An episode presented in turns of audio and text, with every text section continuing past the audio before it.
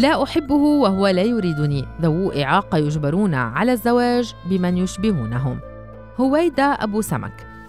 لا تخفى على أحد الظروف الصعبة التي يعيشها ذوو الإعاقة خاصة في البلدان التي لا توفر لهم أبسط المقومات اللازمة لمساعدتهم في احتياجاتهم الخاصة. لكن الأمر لا يقتصر على ذلك. إذ يجبر بعضهم على الزواج من أشخاص لم يختاروهم لأن الأهل يعتقدون أن ذلك أفضل لمستقبلهم.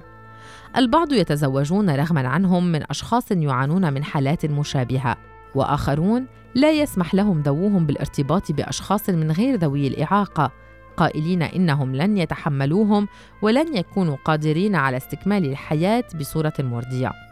أحيانا يرى الأهل إعاقة أبنائهم أكثر مما يراها غيرهم.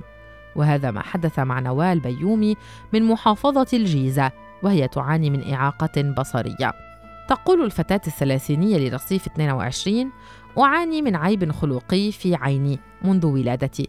لم أفقد بصري كليا لكنني أحتاج إلى المساعدة باستمرار. منذ الصغر يراني أهلي أقل من فتاة أخرى حتى في التعليم. عندما أثبت لهم أنني متفوقة كانوا يرون الأمر مجرد صدفة. التحقت نوال بكلية التجارة وهناك تعرفت إلى شاب أحبته وطلب الارتباط بها.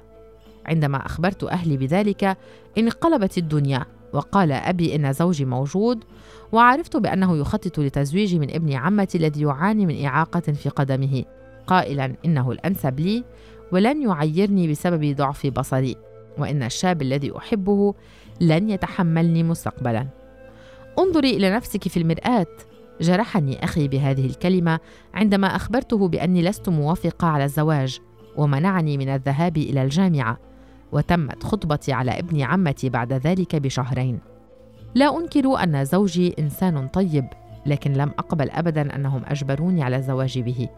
لا أرى نفسي من ذوي الإعاقة فنطقي الثقيل جدا هو نتيجة حمى أصابتني في الطفولة.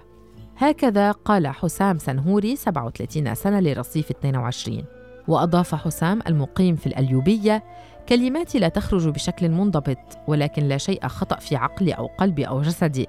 وعلى الرغم من ذلك تنظر إلي عائلتي على أني شخص ناقص وكذلك أصحاب العمل الذين أتقدم إليهم. قبل عام اختار لي عمي عروسا تعاني من مشكلة في بصرها. خفت من ألا توافق فتاة غيرها على الارتباط بي وتمت الخطوبة. ولكني بعد ذلك لم أقتنع فتركتها. لم أستطع أن أظلم نفسي وأظلمها. أما تيسير 26 سنة وهي تعاني من قصر القامة فترى أن بعض الأهل يعدون أولادهم من ذوي الإعاقة عبئا كبيرا ويتعاملون معهم على أنهم اختبار من الله.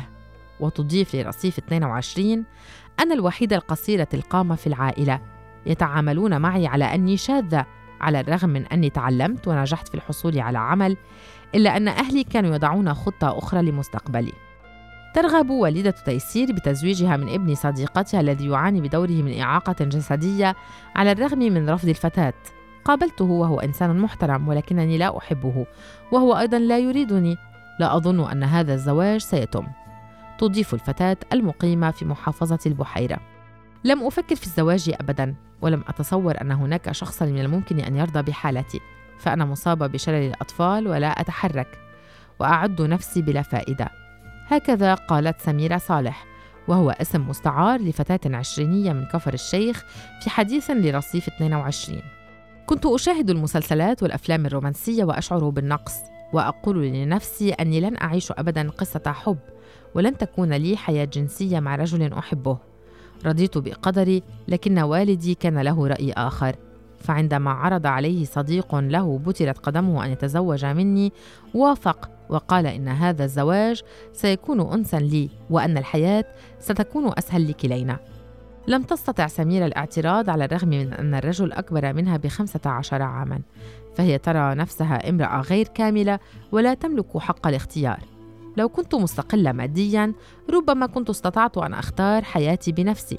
في نهاية المطاف ارتبطت به. وأعيش حياة بائسة بلا جنس ولا مشاركة ولا حتى أنس. ليتني استمريت في مشاهدة أفلام السينما فحسب. أكدت الخبيرة النفسية الدكتورة زينب نجيب لرصيف 22 أن من حق أي إنسان تقرير مصيره واختيار شريكه أو شريكته في الحياة. إلا أن بعض العائلات ترى أن الأشخاص من غير ذوي الإعاقة لن يحتملوا الارتباط بشخص لديه إعاقة ما وقد يعيروهم مستقبلا بسبب ذلك. الأمر وارد طبعا لكن في هذه الحالة يمكن أن يحدث الانفصال ببساطة مثل أي زواج آخر. استشارية العلاقات الأسرية أضافت التقبل مبدأ أساسي للزواج فلا يجوز أن يجبر الوالدان الفتاة أو الشاب على الزواج من شخص لا ترغب أو يرغب به. الحب يلغي أي نقص قد يعاني منه أحد طرفي العلاقة وهناك زيجات كثيرة ناجحة كهذه. بدورها أكدت الاستشارية المتخصصة في حقوق الأشخاص ذوي الإعاقة داليا عاطف حق هذه الفئة في تكوين الأسرة والإنجاب كأي إنسان يريد أن يحظى بحياة مليئة بالحب والمودة والاستقرار. لا يكتمل هذا إلا من خلال علاقة زوجية تجمع طرفيها عاطفة الحب والقناعة بقدرات كل منهما. وأضافت الخبيرة في حديثها لرصيف 22 لا القانون ولا التشريع ولا المواثيق الدولية ولا الشرع يقبلون بإجبار أي شخص على أي أمر ولا نتحدث هنا عن الزواج فحسب. كل إنسان يملك حق اتخاذ القرار وتقرير مصيره وعلى الأهل أن يتجهوا أكثر نحو تعليم أبنائهم من ذوي الإعاقة وتأهيلهم. حينها ستكون لديهم قناعة بأنهم سينجحون في أي ظرف. وتشجب المتحدثة نظرة المجتمع إلى ذوي الإعاقة على أنهم غير منتجين وغير صالحين لتكوين أسرة. وتكمل بأن الخوف من فشل زواجهم هو نتيجة هذه النظرة. الزواج من الموضوعات الحرجة والشائكة للأشخاص ذوي الإعاقة من الجنسين. فالرجل يواجه أكثر من مشكلة منها عدم قبول الأسر بارتباط بناتهم به على الرغم من عدم وجود أي عوائق حقيقية. ويكون هذا الرفض مبنيا على الشكل العام للشخص الذي يستخدم كرسيا متحركا أو يتنقل باستخدام عكازين أو يكون فاقد البصر أو السمع. خلال الحديث مع بعض أهالي ذوي الإعاقة كان لهم رأي مرير تجاه الواقع الذي يعيشه أبناؤهم مؤكدين أن الأحلام الوردية التي يصورها المجتمع غير حقيقية غالبا. سيد محمود وهو رجل ستيني من القاهرة قال لرصيف 22 إن ابنته مريضة توحد ولن يفكر في تزويجها ولو فكر في الأمر كي لا يتركها وحيدة سيفضل أن يتم الأمر مع شاب ذي إعاقة أيضا حتى لا يشعر بأنه أفضل منها ولا يريد أن يكمل حياته معها. تعاني ابنة نعمات نور الدين بدورها من الصمم وتزوجت شابا لديه الإعاقة نفسها. تقول السيدة المقيمة في البحيرة للرصيف 22 الناس يرددون مجرد شعارات ولا يعرفون شيئا مما نعيشه.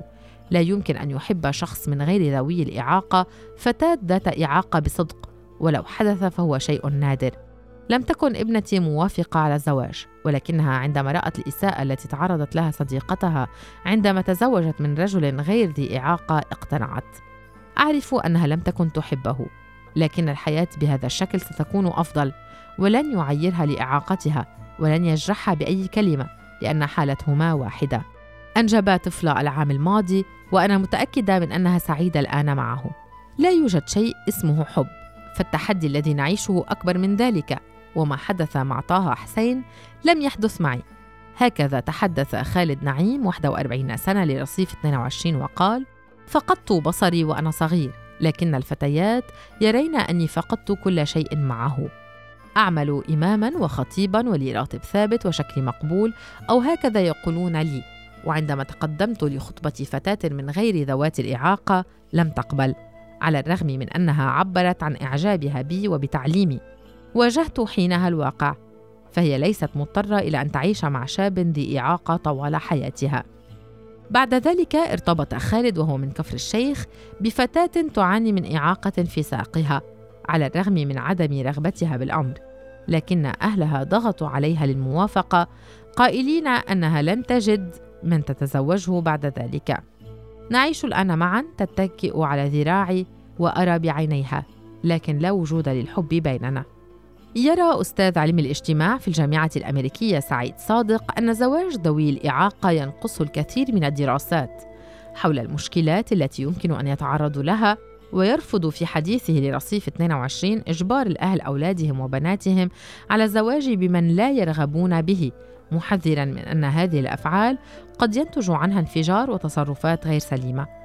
وأشار المتحدث إلى أهمية الاستقلال الاقتصادي لذوي الإعاقة حتى يمتلكوا حق تقرير مصيرهم ولا يكونوا تحت رحمة الأهل الذين يرون أنهم يملكون حق اتخاذ القرار بدلا منهم. كما لفت إلى أهمية توعية ذوي الإعاقة بالعديد من الأمور التي تخص الحياة الجنسية والتي لا تلقى عادة الاهتمام الكافي لتكوين حياتهم الزوجية السليمة.